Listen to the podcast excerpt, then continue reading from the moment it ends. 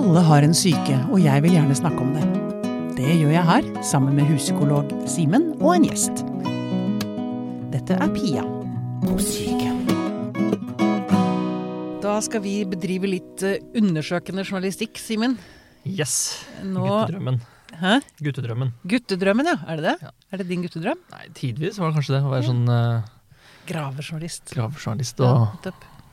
Avdekke ting og sånn. Men du gjør jo litt det som psykolog, da. Litt det. Mm. Det er sånn uh, sublimering er det noe som heter på Ja. fagspråket. Når det er noe man egentlig har sånn drift til å gjøre, men så finner man en måte å gjøre det bare sånn litt på.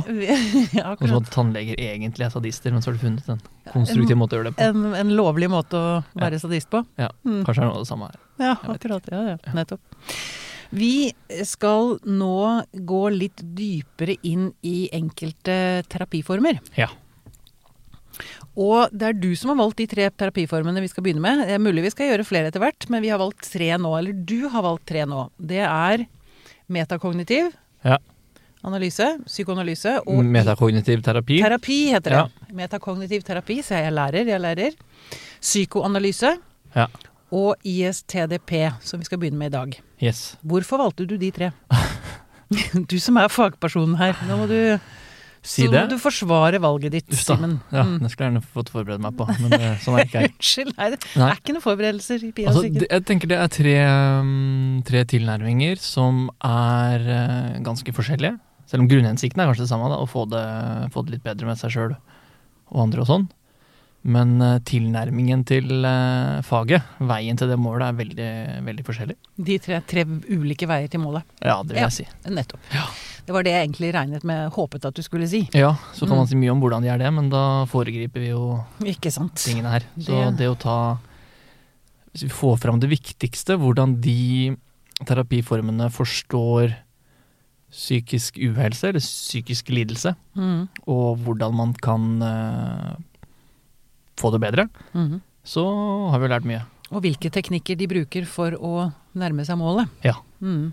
Nærme seg løsningen, friskheten. Ja, Ja. Så har vi fått med kule folk til å kunne svare på det, Ja, så det blir veldig, veldig, spennende. da. Vi har egentlig fått de tre toppfolka, vil jeg si. Ja. Ja. Et av, et av toppfolka.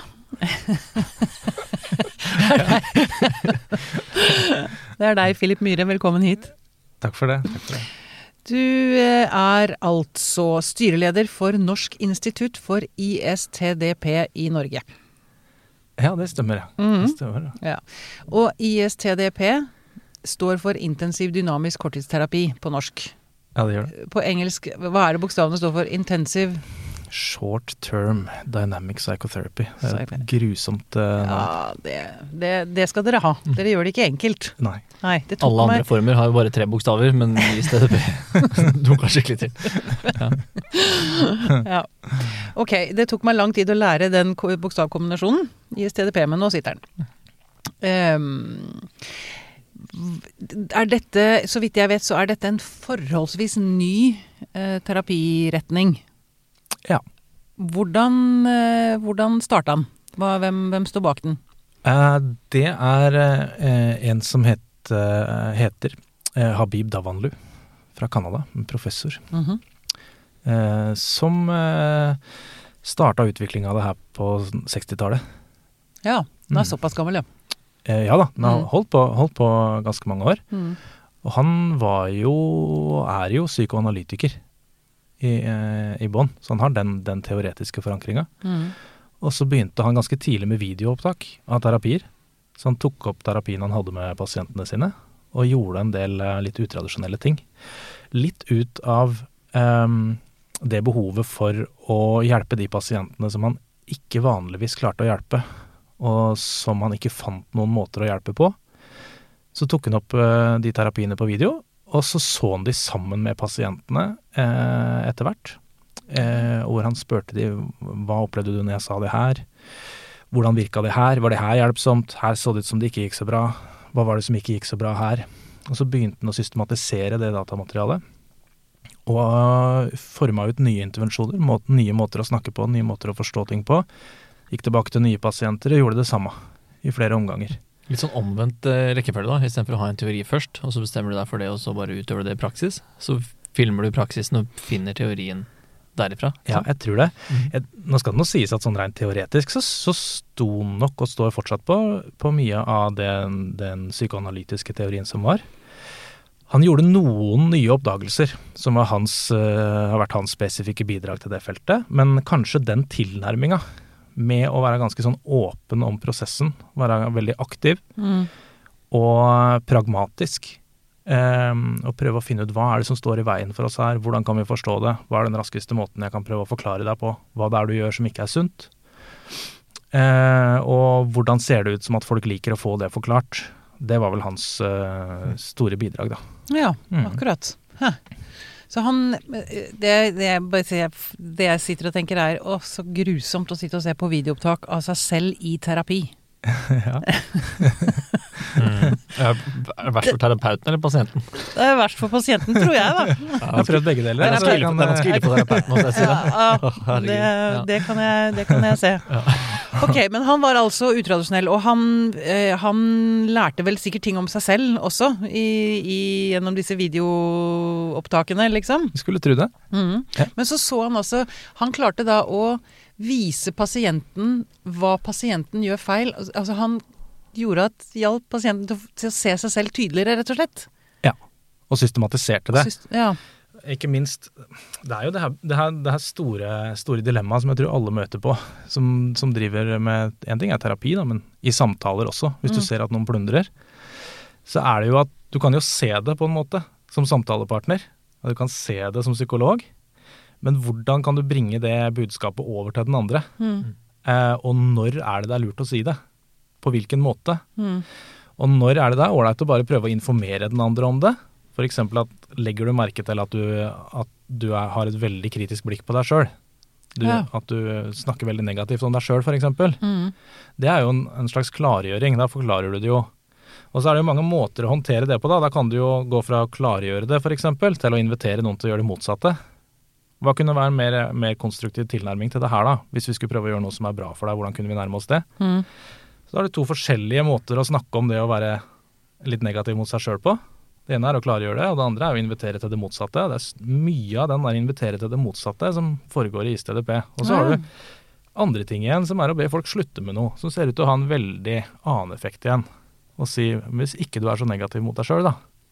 Kan du kanskje nesten høre det når vi hører den setningen, at den høres veldig annerledes ut enn hvordan kan vi finne en måte å gjøre noe som er bra for deg på, da? Ja, ikke ja. mm. Versus Mm. Det er å tenke Er ikke det en sånn John Cleese-sketsj, tror jeg? Hvor han er liksom uh, terapeut, og så bare Men så har han en uh, Uansett hva Jeg tror han er sånn utbrent terapeut. Uansett hva pasienten sier, så sier han 'stop it'.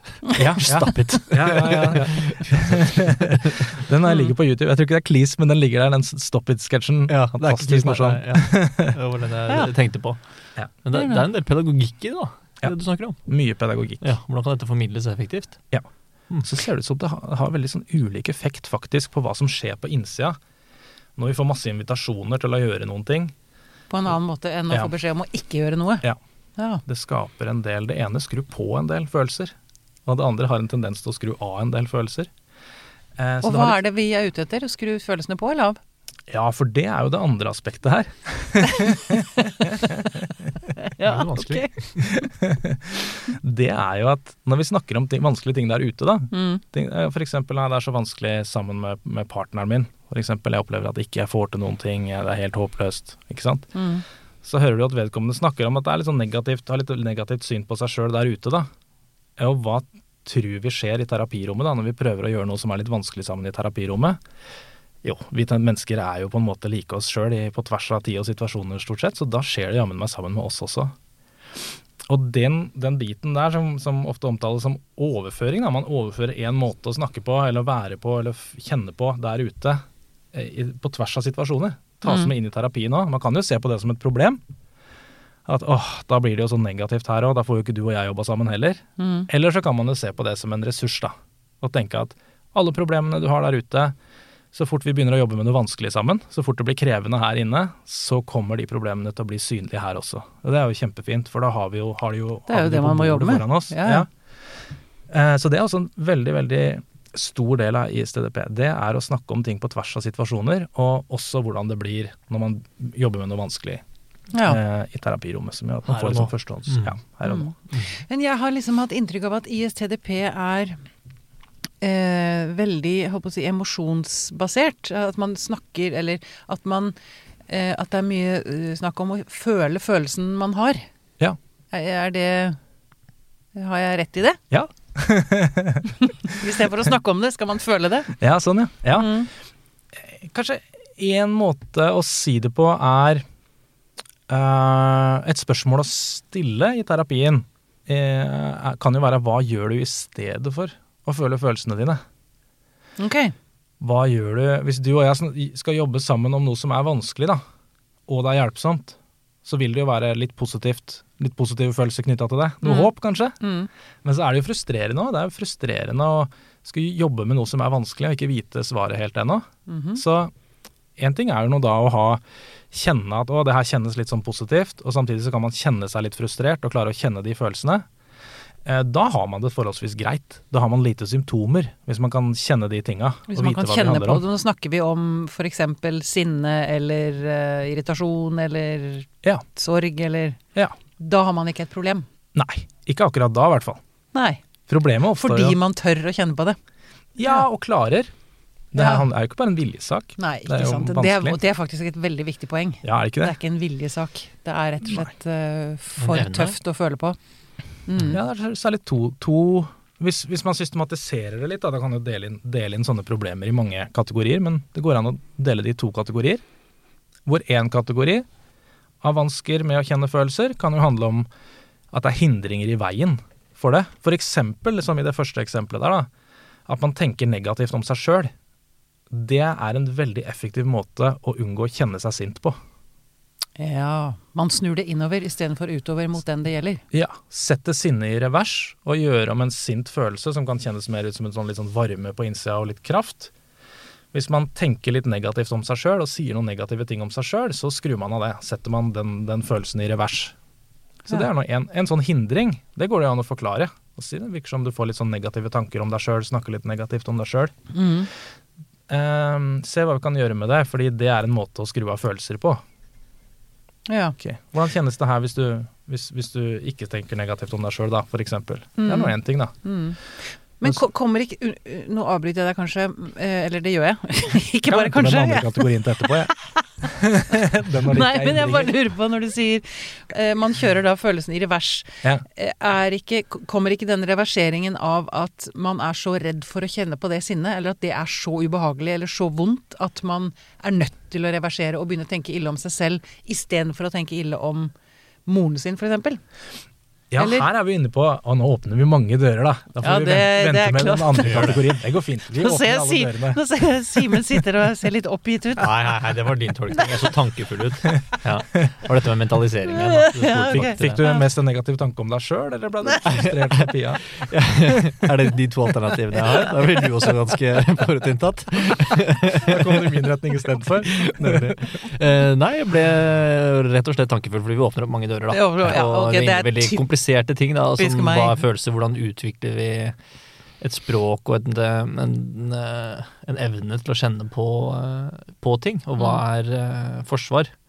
Ja. Det um, er jo også en diskusjon. eh, Ja, for da er vi inne på den andre biten her. Kanskje vi bare skal ta den andre biten Ta den andre vi går biten, ja. masse Jeg andre blir eh, ivrig. Jeg syns det er gøy å åpne mange dører, vet du. Mm. Men den andre biten, den ene er jo hindringene. Mm. Og det, det, det går det jo an å, hvis, hvis hindringene oppstår, så går det an å forklare det. F.eks. å tenke negativt om seg sjøl istedenfor å føle en følelse fysisk i kroppen. Mm. Og den er jo en sånn dør, hvis man, hvis, man, hvis man blir klar over at man gjør det, så kan man jo lokke, lokke den døra. Da kan man jo stoppe å tenke negativt om seg sjøl, og vips, så plutselig så kjenner man noen ting. Og er det så enkelt? Ja, ofte så er det så enkelt, ja. Yes. ja. Men den andre biten, andre kategorien, som ikke handler om sånne eh, forsvarsmekanismer, da, som vi er mer eller mindre klar over, og som vi bare kan få hjelp med å se, og så kan vi stoppe de. Noen av de kan vi bare stoppe på, på et minutt. Men den andre kategorien, ting som kommer i veien, handler jo om at vi blir overvelda hvis de følelsene kommer opp. Så det er ikke ting, det er ikke atferd vi gjør for å ikke kjenne på de, men det er rett og slett at istedenfor at vi får kjent de følelsene fysisk i kroppen, så begynner det å eh, man, man kan bli litt svimmel, f.eks. Ja. Fysisk svimmel, eller man kan få litt tåkesyn. ja. Litt innsnevra synsfelt. Mm. Eh, man kan eh, Bli kvalm. bli kvalm. ja. Mm. og akutt eh, sliten og tom for krefter. Mm. Og man kan eh, bli, litt, bli vanskelig å tenke klart. Ja. Men du, nå snakker vi jo angst, gjør vi ikke det? Nå snakker vi om angst. Mm. Og ikke bare sånn angst som er sånn anspent angst, sånn som de fleste av oss eh, kjenner litt på. Mest på, kanskje. Mm. Mange av oss kjenner på andre typer angst som ikke vi veit er angst engang. Sånn som f.eks. at vi får litt tåkete syn. Eller som f.eks. at det blir vanskelig å tenke klart. Det er det jo mange av oss som gjør innimellom, uten at vi veit at det er også en form for stressreaksjon vi har i kroppen. Mm. Og det er ikke bare å presse en følelse gjennom. Det er ikke bare å si stopp og ha tåkesyn og kjenn følelsen din. Mm. Det er rett og slett eh, det, en, en modell på det er å tenke at kroppen er tom for kapasitet. Du har fått litt for mange kilo på ryggen, Ja. så du klarer ikke å løfte det. Og det holder ikke da å få beskjed om se om du kan reise deg opp med 200 kilo på ryggen. Da er vi rett og slett nødt til å trene på det her, ganske sånn eh, systematisk, litt og litt. Så vi kan begynne å kjenne følelsene inni oss og erstatte de angstsymptomene med det. Men det, det er en litt mer tidkrevende jobb. Og her, blir, ja. her blir eh, ISTDP veldig sånn eh, tekniske og hands on da, på den Ja. angsten som jeg syns er fascinerende. Det er som om dere, hvis jeg har forstått det riktig, eh, ser for dere en sånn skala som dere kan se med ulike fysiske tegn og pust og Ja. anspenthet og sånne ting. Og så regulerer dere samtalen med det som, som en slags parameter. Ja. Ikke sant? Mm, mm. Ja. Det er en uh, sånn teknifisering av angst, da, som er liksom så fremmed for uh, oss som ikke er helt uh, inni det. Som er veldig Ja, fascinerende å, å høre på. Ja, det var helt sprøtt. Jeg husker første gangen jeg så det der. Det her, her kommer jo det videogreiene inn igjen. For hvordan finne ut det uten at pasientene forteller deg det.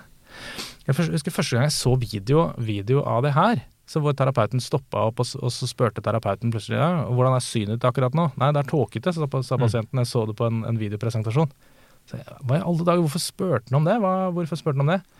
Eh, hvordan er det med energinivået ditt? Nei, jeg kjenner meg kvalm og slapp. Så tenkte jeg, hva i alle dager, hva rare symptomer pasienten hadde, og hvorfor spurte den terapeuten om det? Og så, og så så jeg rakk opp hånda da, og spurte om det. Hvorfor spurte du om det? Nei, vedkommende var ikke anspent, og masse sånne rare ting han hadde sett av, særlig at pasienten ikke var anspent og så ikke ut til å tenke helt klart. Så tenkte jeg ok, jeg jobba nå på DPS poliklinikk på den tida, og jeg hadde 32 pasienter på lista mi. Så tenkte jeg men systematisk, da skal jeg gå gjennom det her med alle de 32 pasientene mine. Stille det spørsmålet? Ja. Én ting er om de opplevde det innimellom ute der ute i livet sitt, og så spurte jeg om de hadde opplevd det i timene sammen med meg. Mm. Ja. Og 24 av de hadde det. Hadde det, Ja. ikke sant. Og jeg visste det ikke før jeg stilte det spørsmålet. Akkurat. Ja. Nettopp. Fordi jeg tenker, nå, er det, nå åpner det mange dører i meg, og nå har jeg sikkert fire spørsmål klart liggende her i løpet, holdt jeg på å si. Ja, ja, Skal jeg se om jeg klarer å huske dem? Simen Ikke går over i angstmodus og tåkesinn. Hva sa du? Simen strukturerer oss hvis vi blir for ivrige. Ja, det er bra. Det er bra. Eh, men altså, når man eh, Eller jeg har også lært at det er, ikke sant, dette er nivåene av angst. Hvis du begynner å bli kvalm, det er en, den mildeste formen. Altså, da går det i Hva heter den muskulaturen? Den glatte Nei, hva heter det? Ja, sånn glatt muskulatur. Tverrstripete og glatte muskulatur. Ja, Ja. ja. Den muskulaturen du ikke klarer å, å styre selv.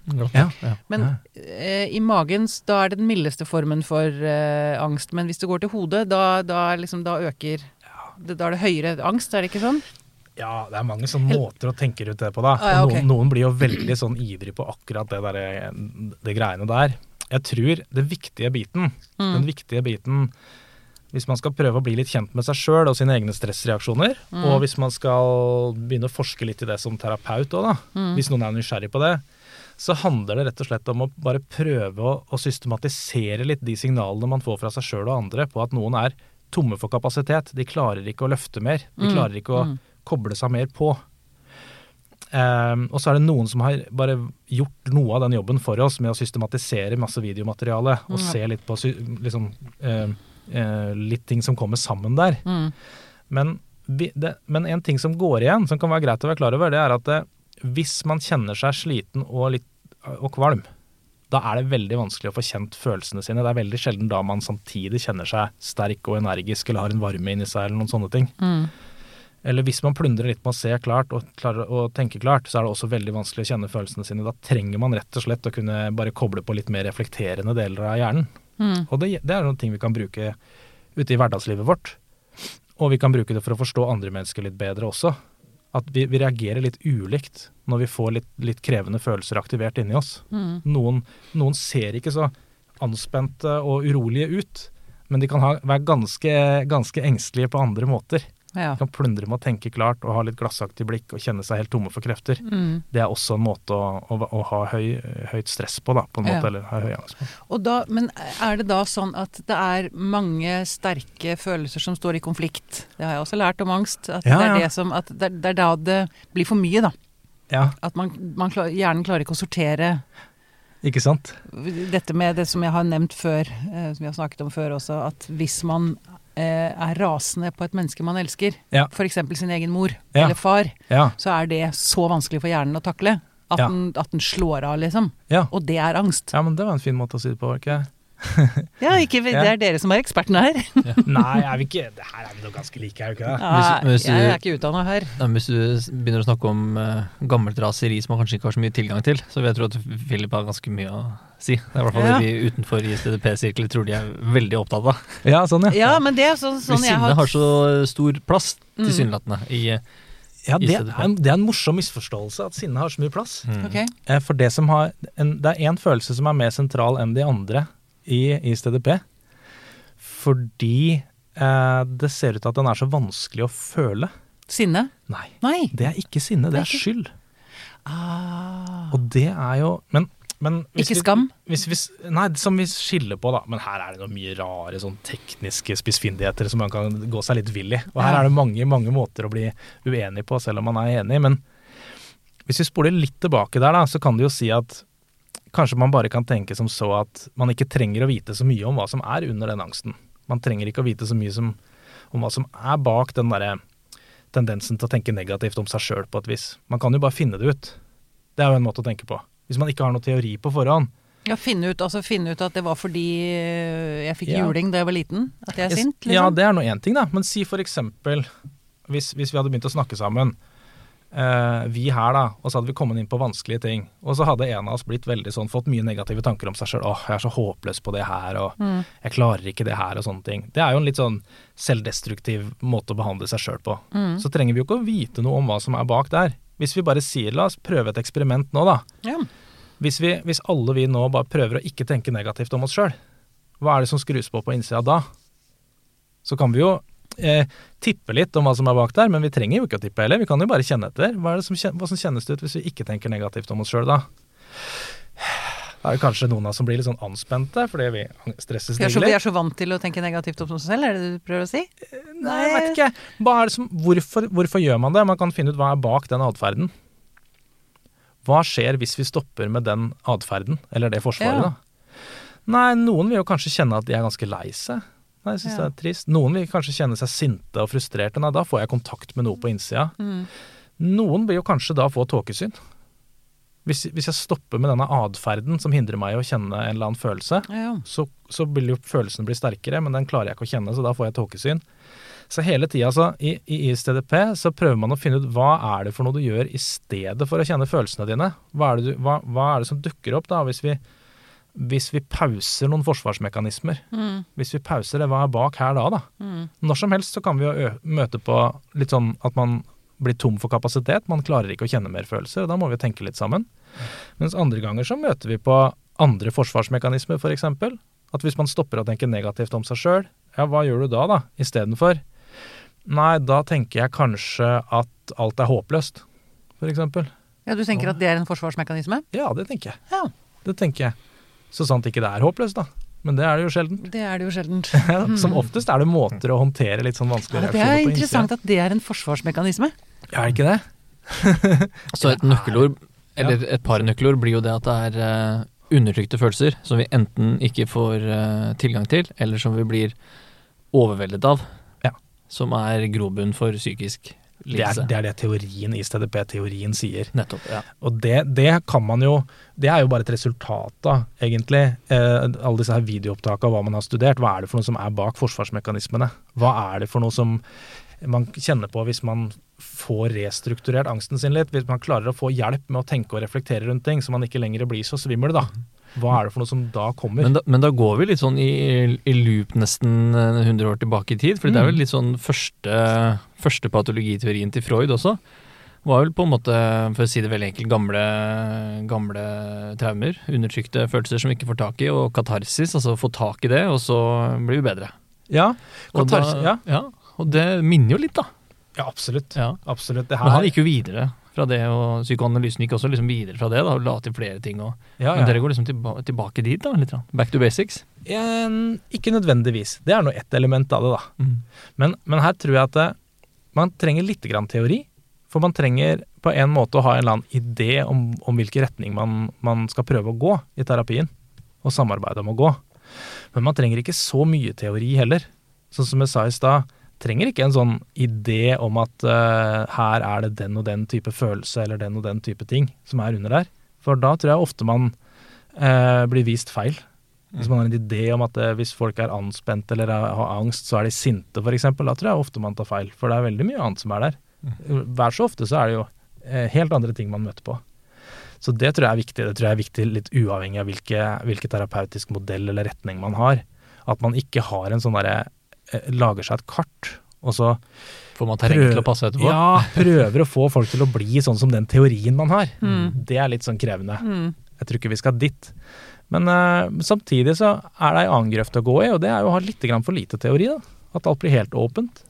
Uh, og man ikke klarer å guide hverandre, eller ikke klarer å ha et eh, fokus. Det er den andre grøfta igjen. Og så må vi bare prøve å holde oss på veien, veien i midten der, da. For jeg tror veldig ofte så blir det sånne diskusjoner om teoretiske diskusjoner om hva det er for noe som skjer, istedenfor å bare samarbeide og finne ut hva som faktisk foregår på innsida av hver enkelt av oss. Ja. Du, jeg har lyst til å spørre litt mer om andre typer forsvarsmekanismer. Det er, jeg tenker at det er så sunt å forholde seg til altså Tenke på lytterne våre. Mm. Eh, at man begynner å bli litt oppmerksom på sitt eget reaksjonsmønster, liksom. Eh, altså forsvarsmekanisme kan være å tenke stygt om seg selv. Det, jo, det kan være en, for, det er en forsvarsmekanisme, og det er interessant fordi det er akkurat som da eh, beskytter man seg mot at andre tenker stygt om en, eller ja. Det er én måte å tenke på. ja. Eller så er det en måte å hindre noen andre mentale prosesser eller følelser inni seg sjøl Ja. å komme til overflata. Ja. Ja, ja eh, det ligger jo i forsvarsmekanisme. Men en annen som jeg kan tenke meg, er jo det vi kanskje var inne på, apati. Ja, altså at Mhm. man øh, Håpløsheten. Ja. Andre forsvarsmekanismer man kan eh, benytte seg av for å Og det er jo så lang, lang, lang liste her. da. Jeg tror vi tre til sammen kunne komme på mange, men, men hvis vi tar Sånne ett kategorier, altså litt sånn Ja. Igjen, jeg tenker at det er, det er viktig å som sagt bli bevisst på sin Ja. egen Det er jeg enig med, med deg Jeg har bare lyst til å si én ting da, Mm. før man gjør det. Og det, er, det høres jo så kjipt ut. Det er jo, du, du, du brakte jo så fint opp den her arven som, eller, som ligger i bånn her. mm, Og mange av de orda her som er sånn, har blitt så lada av ting. At vi kan tenke at det for at forsvarsmekanismer er noe dårlig eller noe negativt, f.eks. er jo ikke nødvendigvis det. Hvis det hindrer en fra et godt liv, så. Det er akkurat det. Kanskje vi skal døpe det om Mm. og si at det er mange former for atferd, da. Enten mange måter å tenke på eller, eller gjøre ting på, eh, som er eh, Som leder til litt lidelse. Mm. Som gjør at den ikke Som ikke er liksom den konstruktive, hjelpsomme, vennlige måten å Mm. behandle seg sjøl på. Mm. Og hvis vi døper det om til det, da.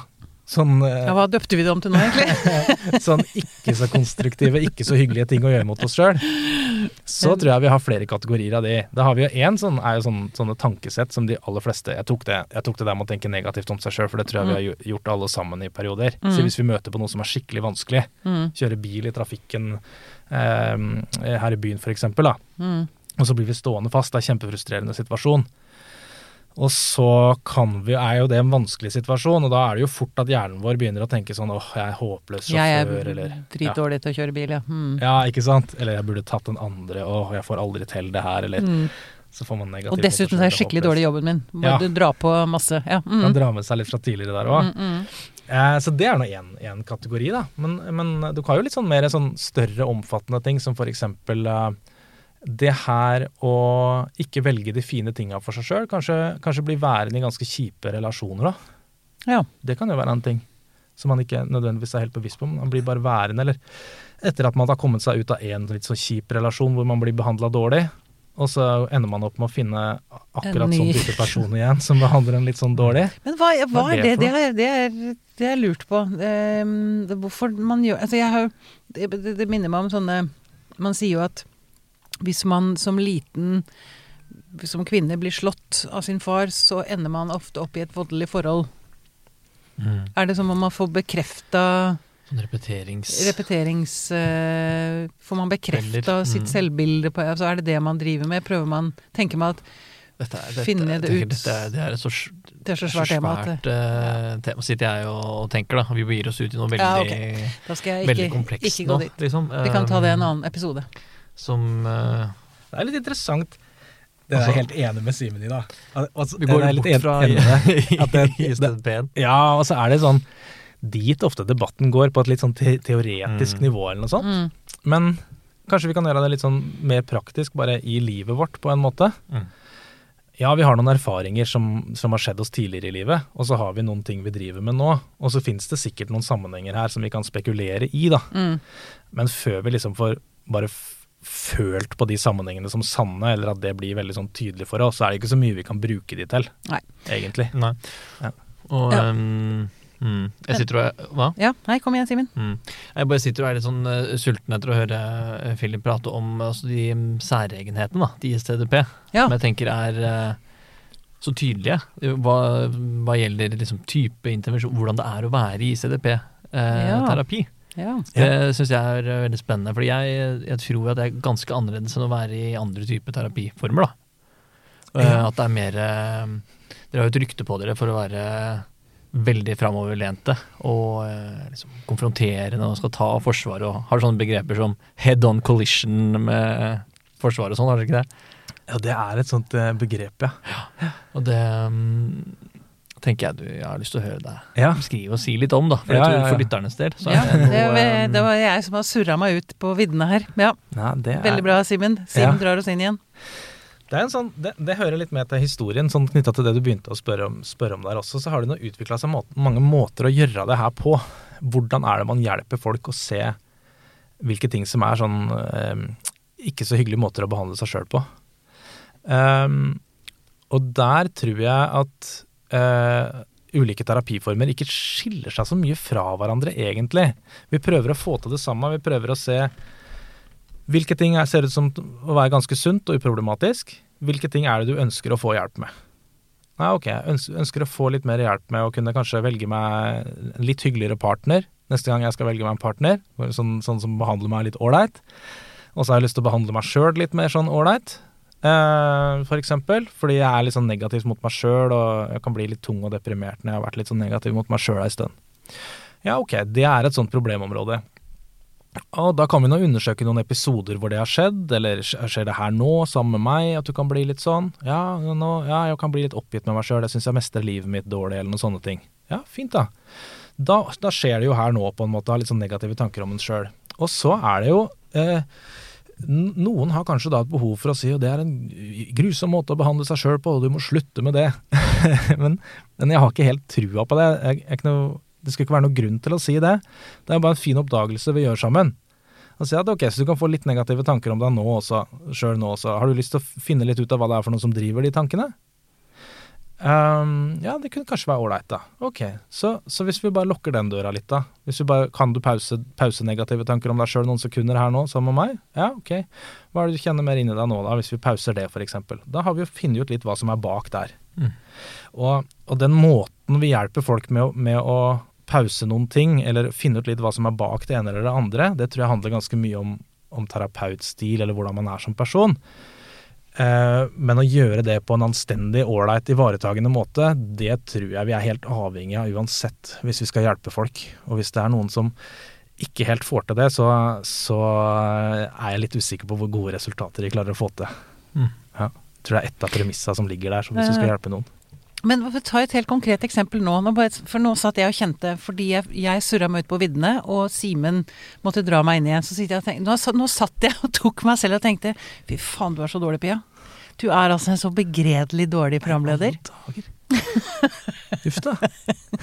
Nei, men Det var helt sånn komisk å merke hvordan alt sank i meg, liksom. Ja. Og det, er, det blir jo nesten som at hele jeg blir meningsløs. Det blir opplevelsen, ja. Ja, sant? Ble du nysgjerrig på hva det var for noe som skjedde rett i forkant der, da, før de tankene kom? Ja, nei, det var jo fordi jeg, jeg følte jeg ble jo irettesatt. Ja. Ikke sant? Jeg surra meg ut. Simen var jo den som kom nå og liksom skar igjennom, eller som skjønte hva lytteren faktisk ville ha. Mens jeg drev og Men det var, en, det var den positive biten av følelsene. Da. Det var jo litt hjelpsomt av Simen å komme inn der. Ja ja. Hvilke andre reaksjoner tenker du var der, da? Mer i retning av Simen? I retning av Simen var det ikke noe i retning av meg. Ja, de gikk innover mot deg, ja. Ja ja. Før de gikk mot deg, da. At, hvordan tror du de var i retning Simen? Hva tror du var der da? I retning Simen. Så det er ikke interessant. Det positive gikk på Simen. Han var sånn hjelpsom. Som Ja. kom inn og, og guida deg. Ja. Men han avbrøt deg jo samtidig, da. Så, så det negative, det gikk mer på deg. Går det an å tenke seg da at det Simen gjorde når han var hjelpsom, var både litt positivt Mm. og hjelpsomt, Mm. og litt frustrerende og avbrytende? Går det an å Ah. tenke seg det? Han, han brøt min, eh, min linje, den, jeg, den veien jeg ville gå. Ja. Mm. Er det mulig å ha to sånne tanker om at det var litt hjelpsomt, men det var litt, kunne skru på litt frustrasjon og bli, bli avbrutt også? Ja. Går det an å tenke å ha den retninga, hvis følelser har retning, da? At begge de følelsene hadde retning mot Simen? Og ikke mot meg. Ja. Og det er den feilen vi gjør. At vi tar det innover istedenfor å rette det ut der hvor det hører hjemme. Kan det være litt sånn? At det er så vanskelig å ha to, to ulike følelser mot en sånn Nå ser jo ikke de som hører oss Simen, men han er en veldig, veldig hyggelig fyr. Ja, Og det han er hører de. hjelpsom. Ja. Og det er veldig, veldig krevende å ha både en positiv følelse, som Simen umiddelbart vekker i folk, det tror jeg er en Mm. generell ting, Mm. og han er hjelpsom, Mm. og samtidig å bli litt avbrutt. At man kan kjenne seg at man blir Hvor blir det av den følelsen, da? Hvor blir det av den reaksjonen på å bli avbrutt?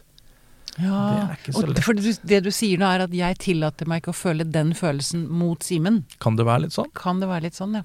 Ja. Du er en klassisk psykolog. Hva tenker du om dette? Men det, er, men det er ikke så klassisk, vet du, Pia. Det er jo ganske sånn eh, eh, spenstig. For han, han blir jo veldig aktiv, ikke sant? Ja, I måten han spør deg på. Ikke sant? Det er en ganske sånne direkte spørsmål, og når du begynner å svare på noe litt annet, og avbryter han deg jo litt, og er litt sånn på, da. Mm. Opplever jeg det som, i hvert fall. Mm. En mer klassisk psykolog ville kanskje vært litt sånn ja, Si mer om hvordan du, Ja. hvordan du opplevde den. Ja, sånn, ja. Det vi Mm. kanskje kan kalle en avbrytelse. Mm.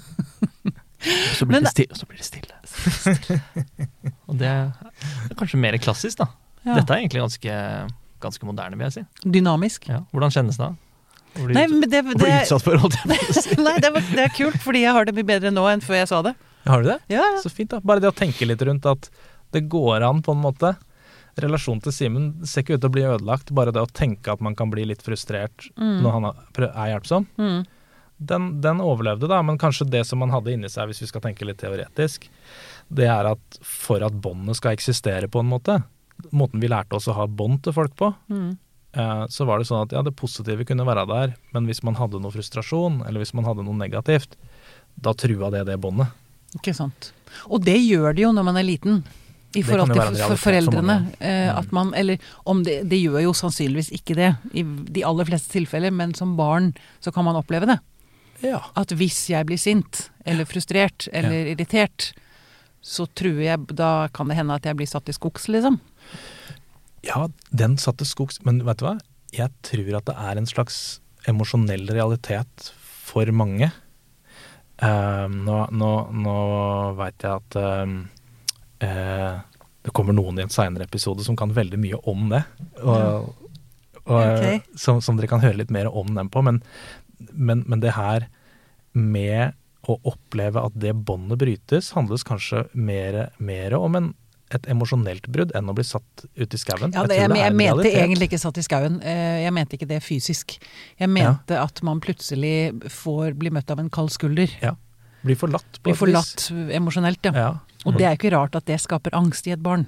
Nei, det, det, det, det tror jeg er veldig lurt sånn evolusjonært sett, å være veldig sensitiv på det. Hva er det den andre her tåler? Hvor- Og fortsatt kan klare å holde kontakt med meg. Mm. Og når er det jeg skal være kjapp med å prøve å skyve de følelsene ut av bevisstheten? Mm. Fordi tilknytningen er viktigere enn at jeg får eh, ventilert følelsene mine. Ikke sant. Ikke sant. den er livsavhengig. Ja, de av oss, de av oss som ikke skjønte det, de, de rakk ikke å få barn, tror jeg. De er, de røska ut for mange hundre år, hundre tusen år siden. Ja, Ja. de, Mm. de farte evolusjonen hårdt hårt med. Ja. Så det, det trumfer det å være tilknytta og det å ha kontakt og bli tatt vare på, det trumfer det å være autentisk med følelsene og kunne føle følelsene sine ti av ti ganger. Mm. Nettopp. Mhm. Um, når det er litt mer sånn praktisk, når dere sier korttidsterapi, Ja. betyr det at man i, da, hos i ISTDP ikke trenger å gå i årevis, som man tro, jeg vet at mange tror at Eller Ja. man må? Det Jeg tippa jeg skulle få det spørsmålet, eh, så nå, nå gikk jeg inn på, um, på, um, på vi, vi følger litt med på det her på klinikkene våre. Og da så jeg på gjennomsnittstida på de som, som går i terapi eh, hos oss, da. Nå var det litt sånn ulikt på de to klinikkene, men eh, der er folk i terapi i gjennomsnitt eh, i mellom 14 og 15 timer. Ja. Ja, men eh, det betyr ikke at eh, alle kommer i mål på 14 eller 15 timer. Eh, det kan være mange grunner til det, men det er en del forholdsvis avgrensa terapiforløp. Men det var det her som jeg tror skal du si, ja, det, det med korttidsterapi tradisjonelt er jo å bare sette inn en strek i sanda på 40 timer. Mm. Men, men hvis vi skal forholde oss til realitetene på et vis, så må man jo tenke som så at eh, hva er målet for terapien? Hvor er, er det å bli kvitt symptomer, eller er det å komme til bunns i de tinga som driver symptomene? Eller vi, vi må liksom si litt hva er det for noe som er målet. Og så må vi også se på ulike problematikker. Husker du i stad så snakka vi om én ting er de forsvarsmekanismene eller den atferden, de hindringene, som står mellom oss og det å bare komme i kontakt med vanskelige ting Mm. det kan nok gå ganske raskt å jobbe med Mm. eh, i terapien. Og hvis, hvis man kun har de hindringene, så har man ofte gjort veldig mye på, på ti timer. Og kanskje, kanskje man er helt ferdig, ferdig etter 30 timer. Eh, og at man, man avslutter et eller annet sted mellom 10 og 30 timer der. Men den andre biten vi, eh, tar lengre tid. Og det er jo sånn eh, For eksempel sånn som skjedde i stad. Ja, Simen han hjelper oss litt med å holde oss litt på sporet. Og så kjenner vi takknemlighet for Simen, kan kanskje kjenne litt sånn positiv følelse, og så slår den negative følelsen litt inn. Så kan vi bli litt frustrert med oss sjøl. Ja, og så har vi en, Det er en sånn hindring, da. Ok, den kan vi nå alltid stoppe. Sånn som du kjente deg litt lettere etterpå, når du Mm. bare eh, stoppa å tenke negativt og bare åpna opp for ideen om at man kunne ha litt frustrasjon mot Simen. Men veldig mange av oss opplever jo da kanskje at da blir det vanskelig å tenke klart. Når man gjør det. Ja. Når man har to motstridende følelser mot samme person, så blir det vanskelig å tenke klart. Mm. Og synet blir litt tåkete, og det blir veldig krevende, og man kan bli litt svimmel. Det tar det litt lengre tid å jobbe med. Det går Ja. fint an å jobbe systematisk med det, men det er mer tidkrevende. Så selv om Men det er rett og slett å lage nye mønstre, da. Ja. Trene, Og altså det blir som å trene. toleran- toleranse, Ikke sant. kanskje? Ja. Vil du si, er det Litt litt sånn eh, muskeltrening, begrep er fint, fint Mm. beskrevet. Ja. Trene opp en toleranse. Mm. Og det, går an, det er det mange forskjellige modeller som har, har, har drevet av og forska og utvikla måter å gjøre det på. Eh, og der er det bare å bruke det som går raskest. Og det Mm. ser nå ut til å være en eller annen greie i retning av observer angsten fysisk. Observer hva det er for noe som skjer, bli litt sånn kjent med det. Det ser ut til å være en sånn, et element som er viktig å øve seg på. Observere det, kunne kjenne igjen når man blir svimmel eller får tåkesyn. Og kunne tenke rundt hvorfor det skjedde. Mm. De to elementene er i de fleste sånn kapasitetsbyggende teknikker. Mm. Og hvis man gjør det en stund, så gradvis så, så klarer man å erstatte de der, det å bli litt sånn overvelda med det å kunne tenke rundt ting. Det er sånn, Ja. sånn klassisk traumeterapi er rett egentlig. og slett gå og ta et skritt tilbake, liksom. Ja. Mm. ja. Og da, det tar litt tid å bygge den kapasiteten, så da kan Ja. det jo fort gå, hvis man har mye av det f.eks., så kan det nå fort gå både 50 og 100 og 150 timer også. Mm. Fordi det, det, man må bygge den kapasiteten til å tåle de følelsene Ja. eh, som, som har vært skyvd litt vekk, da. ja. Og det er, det er tidkrevende innenfor alle terapiretninger, er nå min, Mm. min erfaring. Da. Mm. Og det er ikke noe ICDP er ikke noe unntak. Vi kan ikke, det er ikke noe trylling som foregår. Nei. Nei. Synd, det hadde vært greit å bare bli trylla litt mer. Åh, det hadde vært fantastisk.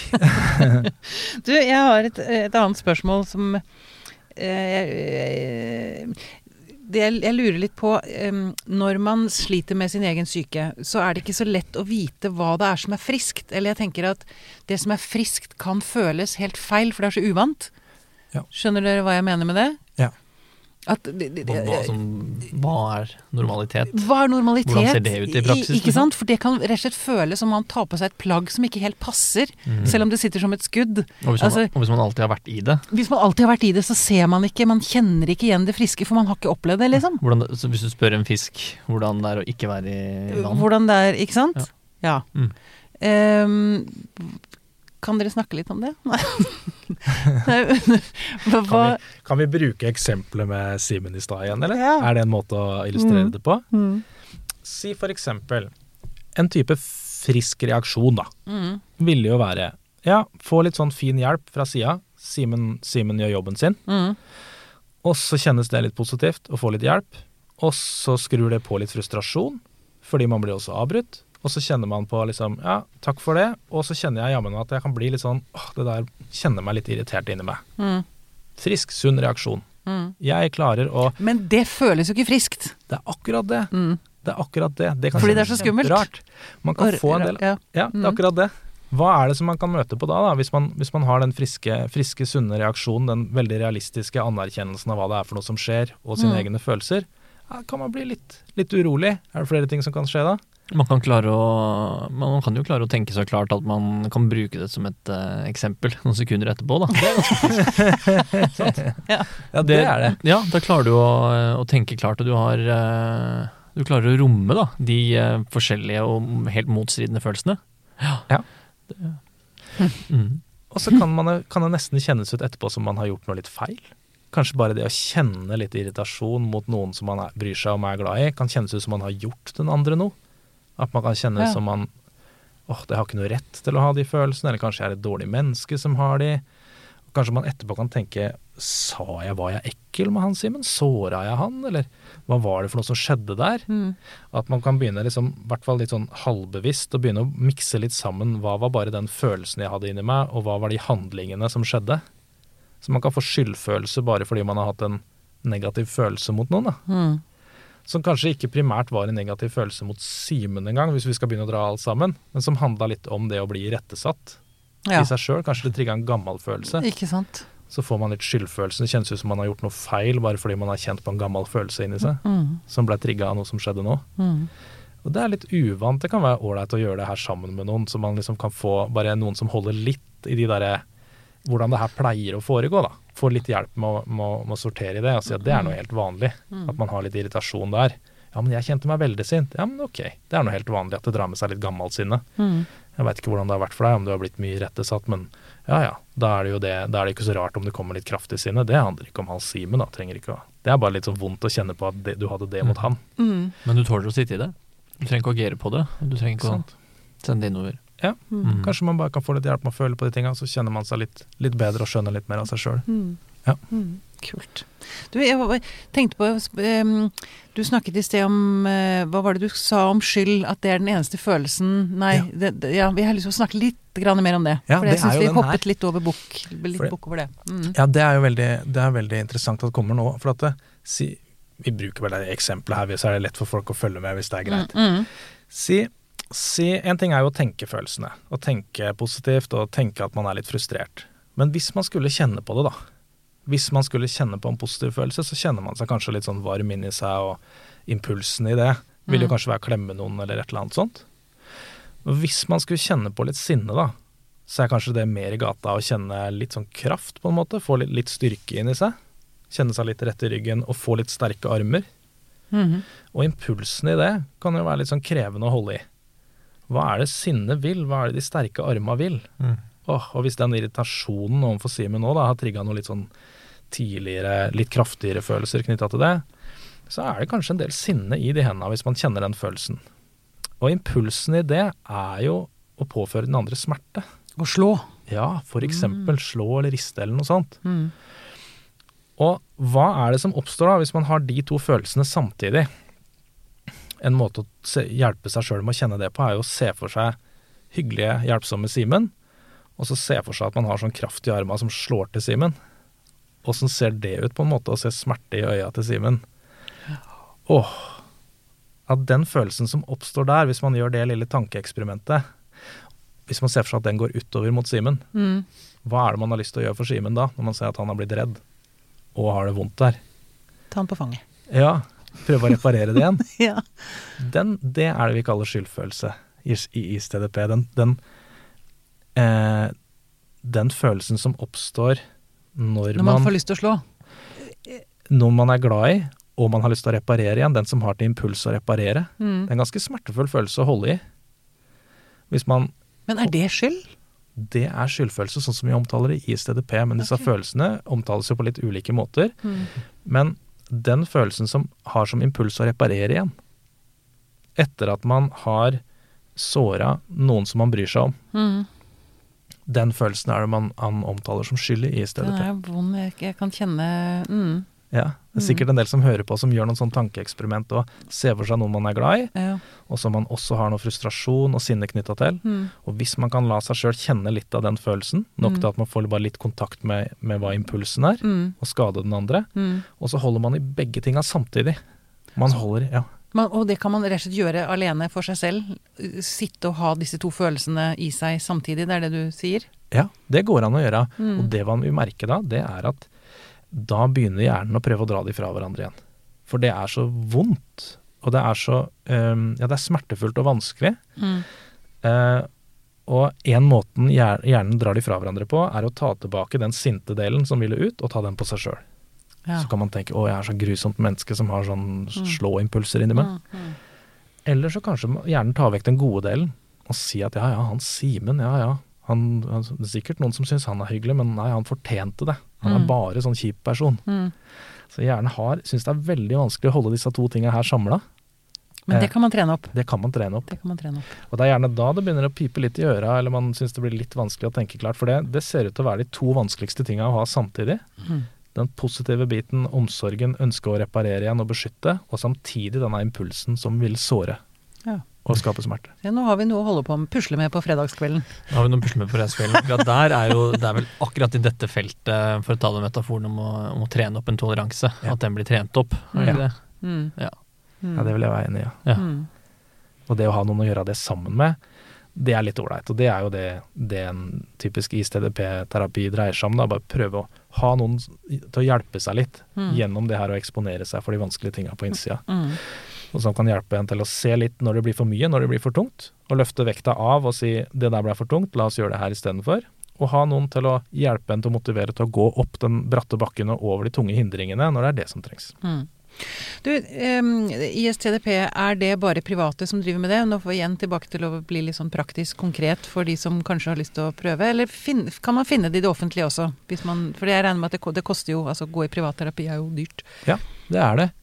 Eh, vi utdanner i det instituttet du nevnte i starten der, så, så utdanner vi flere og flere i- ISTDP-terapeuter. Mm. Og de, langt de fleste av de jobber i det offentlige. Oh, ja. Men eh, vi har ikke gjort det så lenge, da. Nå har vi gjort det i åtte ja, snart åtte, åtte år Mm, nå. mm. Eh, så det er fortsatt ikke veldig mange, men, men de fins der ute. Sånne ISTDP-terapeuter. Eh, og de er nå spredt litt rundt sånn på DPS og på poliklinikker eh, på, og noen avtalespesialister finnes det også som har den, den bakgrunnen. ja. Og så er det, og så er det noen private, private klinikker rundt omkring også som driver, der er, som, som driver med det. Ja. Mm. Det er mulig å, å finne en ISTDP-terapeut. Ja, ja, ja, Ja. Det er absolutt mulig. Det er absolutt mulig. Mm. Du, da begynner vi å nærme oss slutten. Og eh, vi har jo nå satt i gang en slags stafett mellom dere tre. Mm. Eh, og um, den som kommer sist, han har jeg fått et spørsmål til deg fra. Det ble en veldig krøkkete setning, men uh, Men det ble litt krøkkete der når du begynte å tenke på. Det er Ja, det ble- spørsmål. Så, ja, men hva med han første? hva var han første? Og og han siste? siste ja. mm. Sverre Urnes Jonsson er den siste ut i, denne, i Ja. dette lille perlekjedet. Han Ja. kommer i studio om et par uker. Og han jobber altså med metakognitiv terapi. Han har gitt deg følgende spørsmål. Ja. Er du klar? Er Ja. du spent? ja, det er jeg. Det er ikke tåkesyn. Bare litt anspent. Litt, litt litt anspent. kvalm. Simen hjelper meg hvis det blir vanskelig her, tror jeg. Ok, here goes. Hvilke pasienter kan ha bedre effekt av ISTDP sammenlignet med annen behandling, og hvilke pasienter kan ha dårligere effekt? Ja. ja, det er et så interessant uh, spørsmål. Det for å svare på det? Må jeg liksom svare på ti sekunder, eller kan jeg bruke 30? Du kan bruke et par minutter. kan jeg det? Så bra. ja, ja. ja det er så dårlig tid har vi ikke. Det er bare Nei. mer sånn jeg begynner å avrunde litt, Ja, ja, ja. liksom. Ja. Det, det vi veit, er at det har mye mer å si hvilken terapeut du går til, enn hvilken modell den terapeuten jobber med. Ja. Så det ser ut til at noen terapeuter klarer å hjelpe 90-95% av pasientene sine på en Oi. veldig god måte. Shit. Og så er det noen som klarer å hjelpe veldig få. Mm. Dessverre. Mm. Og så er det sånn at uh, man kan ha en modell, da, et slags kart å jobbe ut ifra, som har sine begrensninger, sine fordeler og ulemper, sånn som vi snakka om, om i starten. Uh, ISTDP er jo en sånn modell som har mange sånne kart. Den er utvikla over mange år. Så den har jo liksom noen kart for, husker dere kapasitetsbygggreiene? Mm. som er en sånn traumemodell, på en måte. Og så har noen kart for, som sånne, for sånne hindringer, som er sånn ok, men du tenker litt negativt om deg sjøl, kan du pause den biten, på en måte. Og det gjør jo at modellen i seg sjøl har ikke så mange begrensninger. Den kan jo anvendes eh, med de aller, aller fleste. Men vi terapeuter har jo begrensninger. Mm. Ja. Så modellen har ikke så mange. Eh, hvilke pasienter det, Så hvis man skal gå til forskninga, da, så er det jo de, Det nyeste som blir publisert nå, er jo at det er kanskje særlig hvis man sliter med litt, en del sånn fysiske ting. Det gir jo mening i og med Ja, ja. at modellen favner om en del sånn Ja, man blir mye kvalm i møte med vanskelige ting. Ja. Det blir vanskelig med konsentrasjonen. Man får mye sånn smertetilstander. Det var mye av det i Og opprinnelsen, var det ikke det? det er, At uh, Davenlo jobba mye med psykosomatikk og Han gjorde det etter hvert. Mm. Etter hvert, ja, okay. Ja, Mm. For det er litt sånn, hvis man går litt tom for kapasitet Til å begynne med så jobber man bare med de som bare hadde sånne hindringer. Og det er der den kommer fra, den der historikken med at det kunne gå litt fort. Mm. Men det var veldig selekterte pasienter. Så der ser det ut som at ISTDP kanskje er særlig egna. Det vi har brukt det til, grunnen til at vi lærte oss det, var rett og slett for at vi hadde en, en um, behandlingspost med et åtteukersprogram.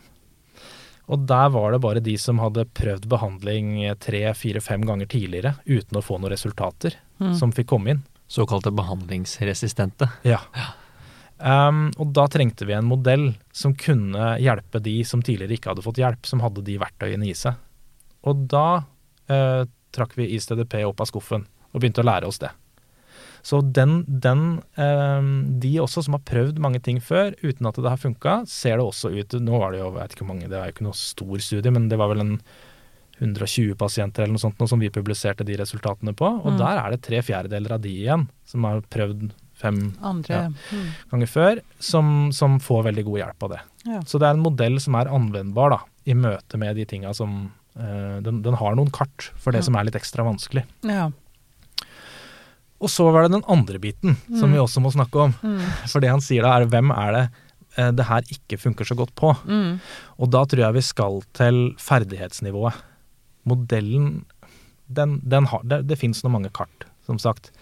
Men det er veldig krevende å jobbe med de tinga her hvis man har sånn kart for hindringer, og så er pasienten en som trenger hjelp med at vekta blir for stor. Pasienten blir litt svimmel, eller det blei for vanskelig, eller det låser seg. Mm.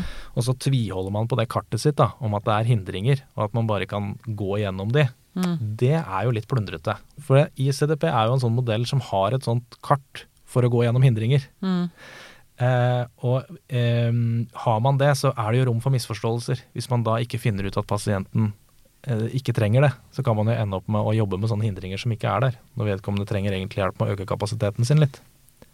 Trenger traumebehandling. Trenger traumebehandling, trenger støtteterapi, som er noe annet enn å Jeg prøver å bygge den kapasiteten. Og det, ja, akkurat det. Og da blir det, da blir det, da blir det vanskelig. Så, så hvis man er ny, det går jo kanskje til de, de terapeutene som hører på, da. Mm. Ja. Kjenn, kjenn din begrensning, på en måte.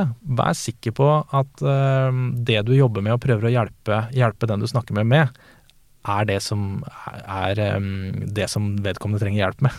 Mm. Ja. Men det, korte svaret her er jo egentlig at ISTDP eh, kan funke på alle. Det ser sånn ut. Det er en, det er en modell som har, har like, like gode resultater som andre modeller Ja. i, møte med, i møte med plager, både gjennomgripende plager og, og enklere plager. Men det er jo en spennende spesialisering, det at man uh, har aktivt gått for å hjelpe de som uh, har slitt med å profitere av andre typer terapi tidligere. Ja. Det syns jeg er en veldig kul utfordring som det Mm. helt har, har gitt seg sjøl, da. Mm. Så det er jo en litt sånn spissa anbefaling. Ja. ja. Mm. Og det, det, det gir håp, tenker jeg, til andre eller folk der ute som kanskje Mm. føler, at, føler en, på en håpløshet etter Ja. at de har prøvd masse terapiformer. Det er det all grunn til å ha, altså. Ja. Virkelig. Hvis uh, jeg, jeg, jeg, var, uh, jeg var litt sånn skeptisk før jeg begynte å jobbe på det prosjektet, men det løfta Det, det forma egentlig hele resten av mitt yrkesliv. Nå er nå det, nå er nå det en åtte-ti år siden, men det merker jeg det påvirker meg ennå. Det at, eh, at vi kunne hjelpe nesten alle. At det var så Hvis man klarte å spisse innsatsen, fikk ekspertkompetanse på det, Mm. så var det så mange som, vi, som, som kunne få god hjelp, selv om de hadde gått i terapi 20 år før det. Ja. Eh, Og det, det, det har nok gjort at jeg eh, vier resten av mitt yrkesliv til å jobbe med den Den den- retningen. Den, Mm. retningen, eller, Mm. eller de menneskene da, som trenger den form for behandling, og Mm. lære opp folk til å, til å møte de menneskene. Da skal du få lov til å komme med ditt spørsmål til vår neste gjest, Siri Gullestad, Ja. som driver med Som er psykoterapeut. Psykoanalytiker. Mm. Ja, ok, nå begynner det å gå i ball her. Ikke bli så kritisk nå. Du ble korrigert, ja. Jeg blir litt frustrert med Simen her. ja, Akkurat det ble jeg faktisk ikke frustrert av i det hele tatt. Av en eller annen grunn. For akkurat det der Jeg er er jeg ikke så klar over at jeg har ikke Jeg er ikke noe god på teori. Fakta er ikke min sterke side. Jeg er god på å stille spørsmål, men jeg er ikke så god til å holde orden på de ulike vanskelige ordene. Ja ja, så blir du avbrutt av Simen, da. Ja. Du liker å trigge litt, du. Ja. Glad i å hjelpe folk. Okay. Hva er det Siri Gullestad driver med igjen? Eh, Psykoanalytiker. Psykoanalytiker, psykoanalyse. Hun er vår Ja. neste gjest neste fredag. Ja. Hvilket spørsmål har du lyst Eller hvilken utfordring har du lyst til å gi henne, Philip? Ja, det var så mange. Eh, jeg, jeg eh, Siri Gullestad jobba jo som professor på Psykologisk institutt når jeg tok min utdannelse der. Mm. Så jeg har lært, lært en del ting av henne. Og det er det eh, Så det var så mange ting jeg lurte på. Så da hørte jeg, rett før jeg var her, så hadde vi sånn felles eh, digital lunsj på de, på de klinikkene. Vi har en sånn ISTDP-klinikk i Drammen og en i Oslo. Og så hadde vi sånn felles lunsj, og så sa jeg at jeg skulle stille et spørsmål til Siri Gullestad. Har dere, har dere noen ting eh, som dere har lyst til at jeg skal eh, spørre henne om? Og da var det mange som hadde mange ting de hadde lyst til å spørre henne om. Men jeg noterte meg to ting. Ok. Um, som folk så ut til å samle seg litt om. Ja. Og det ene Går det bra med to ting, eller? Det går fint. Ja. Det ene som, som de på våre klinikker, da, våre psykologer, lurte på, det var hvorfor passer din metode for deg? Hva er det ved psykoanalysen som, som du liker, og som passer med deg, da? Mm. Hvis det er sånn. Det var det ene. Og det andre er at eh, Siri Gullestad har jo vært med på å lære opp mange psykologer over flere år. Hun har tilført veldig mye til faget. Eh, litt på tvers av retninger, tror jeg. Litt uavhengig av hva slags liksom, modell man har i bånd, så tror jeg hun har vært interessert i å, i å bidra med, med en del ting. Og det vi lurer litt på, er hvis hun kunne trekke ut én eller to sånne ting som hun tenker at de som jobber som, som eh, psykologer eller psykoterapeuter, da, kunne ha god nytte av å fokusere litt ekstra på, eller ha med seg. Hva er det for noe hun hadde hatt lyst til å bringe, bringe videre? Hva er det hun har lyst til å løfte litt ekstra opp i lyset, som hun mener at eh, de fleste av oss som jobber med terapi, kan, kan tenke litt ekstra på? Ja. Mm. Veldig bra. Nydelig. Dette skal vi glede meg til å høre svaret. Mm. Ja. Det gjør jeg òg. Og 18 andre. Så bra. Drar vi med oss masse flere psykologer i lytterkretsen her, Simen, tror jeg. Mm. Mm. Faktisk. Ja. Mm. Um, til slutt, er det noe du har lyst til å føye til, Philip, eller du, Simen? Noe som eh, dere har lyst til å understreke, eller noe vi ikke har snakket om, eller noe Jeg Syns vi har fått en veldig fin innføring i en spennende retning. Så vi har Ikke ikke noe flere spørsmål. Um, ja, jeg syns det, det var, var veldig hyggelig å være her. Og så likte jeg så godt det poenget som kom, kom opp på slutten, med at det, det fins håp. Mm. Um, og også om man har prøvd ting tidligere, så fins det håp. Det er ting som er i, er i utvikling, det er nå én ting. Og det er mm, Ja.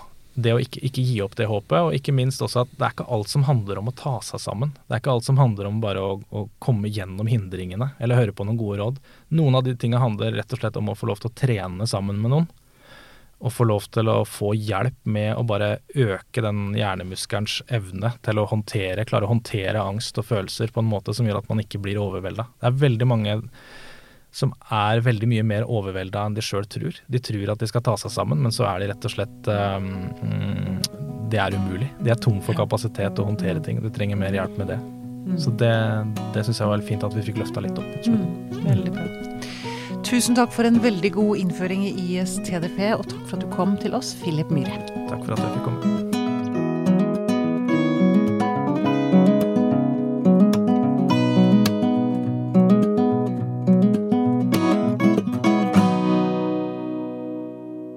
Podkasten er produsert av Tid og Lyst. med støtte fra stiftelsen Kåre Berg.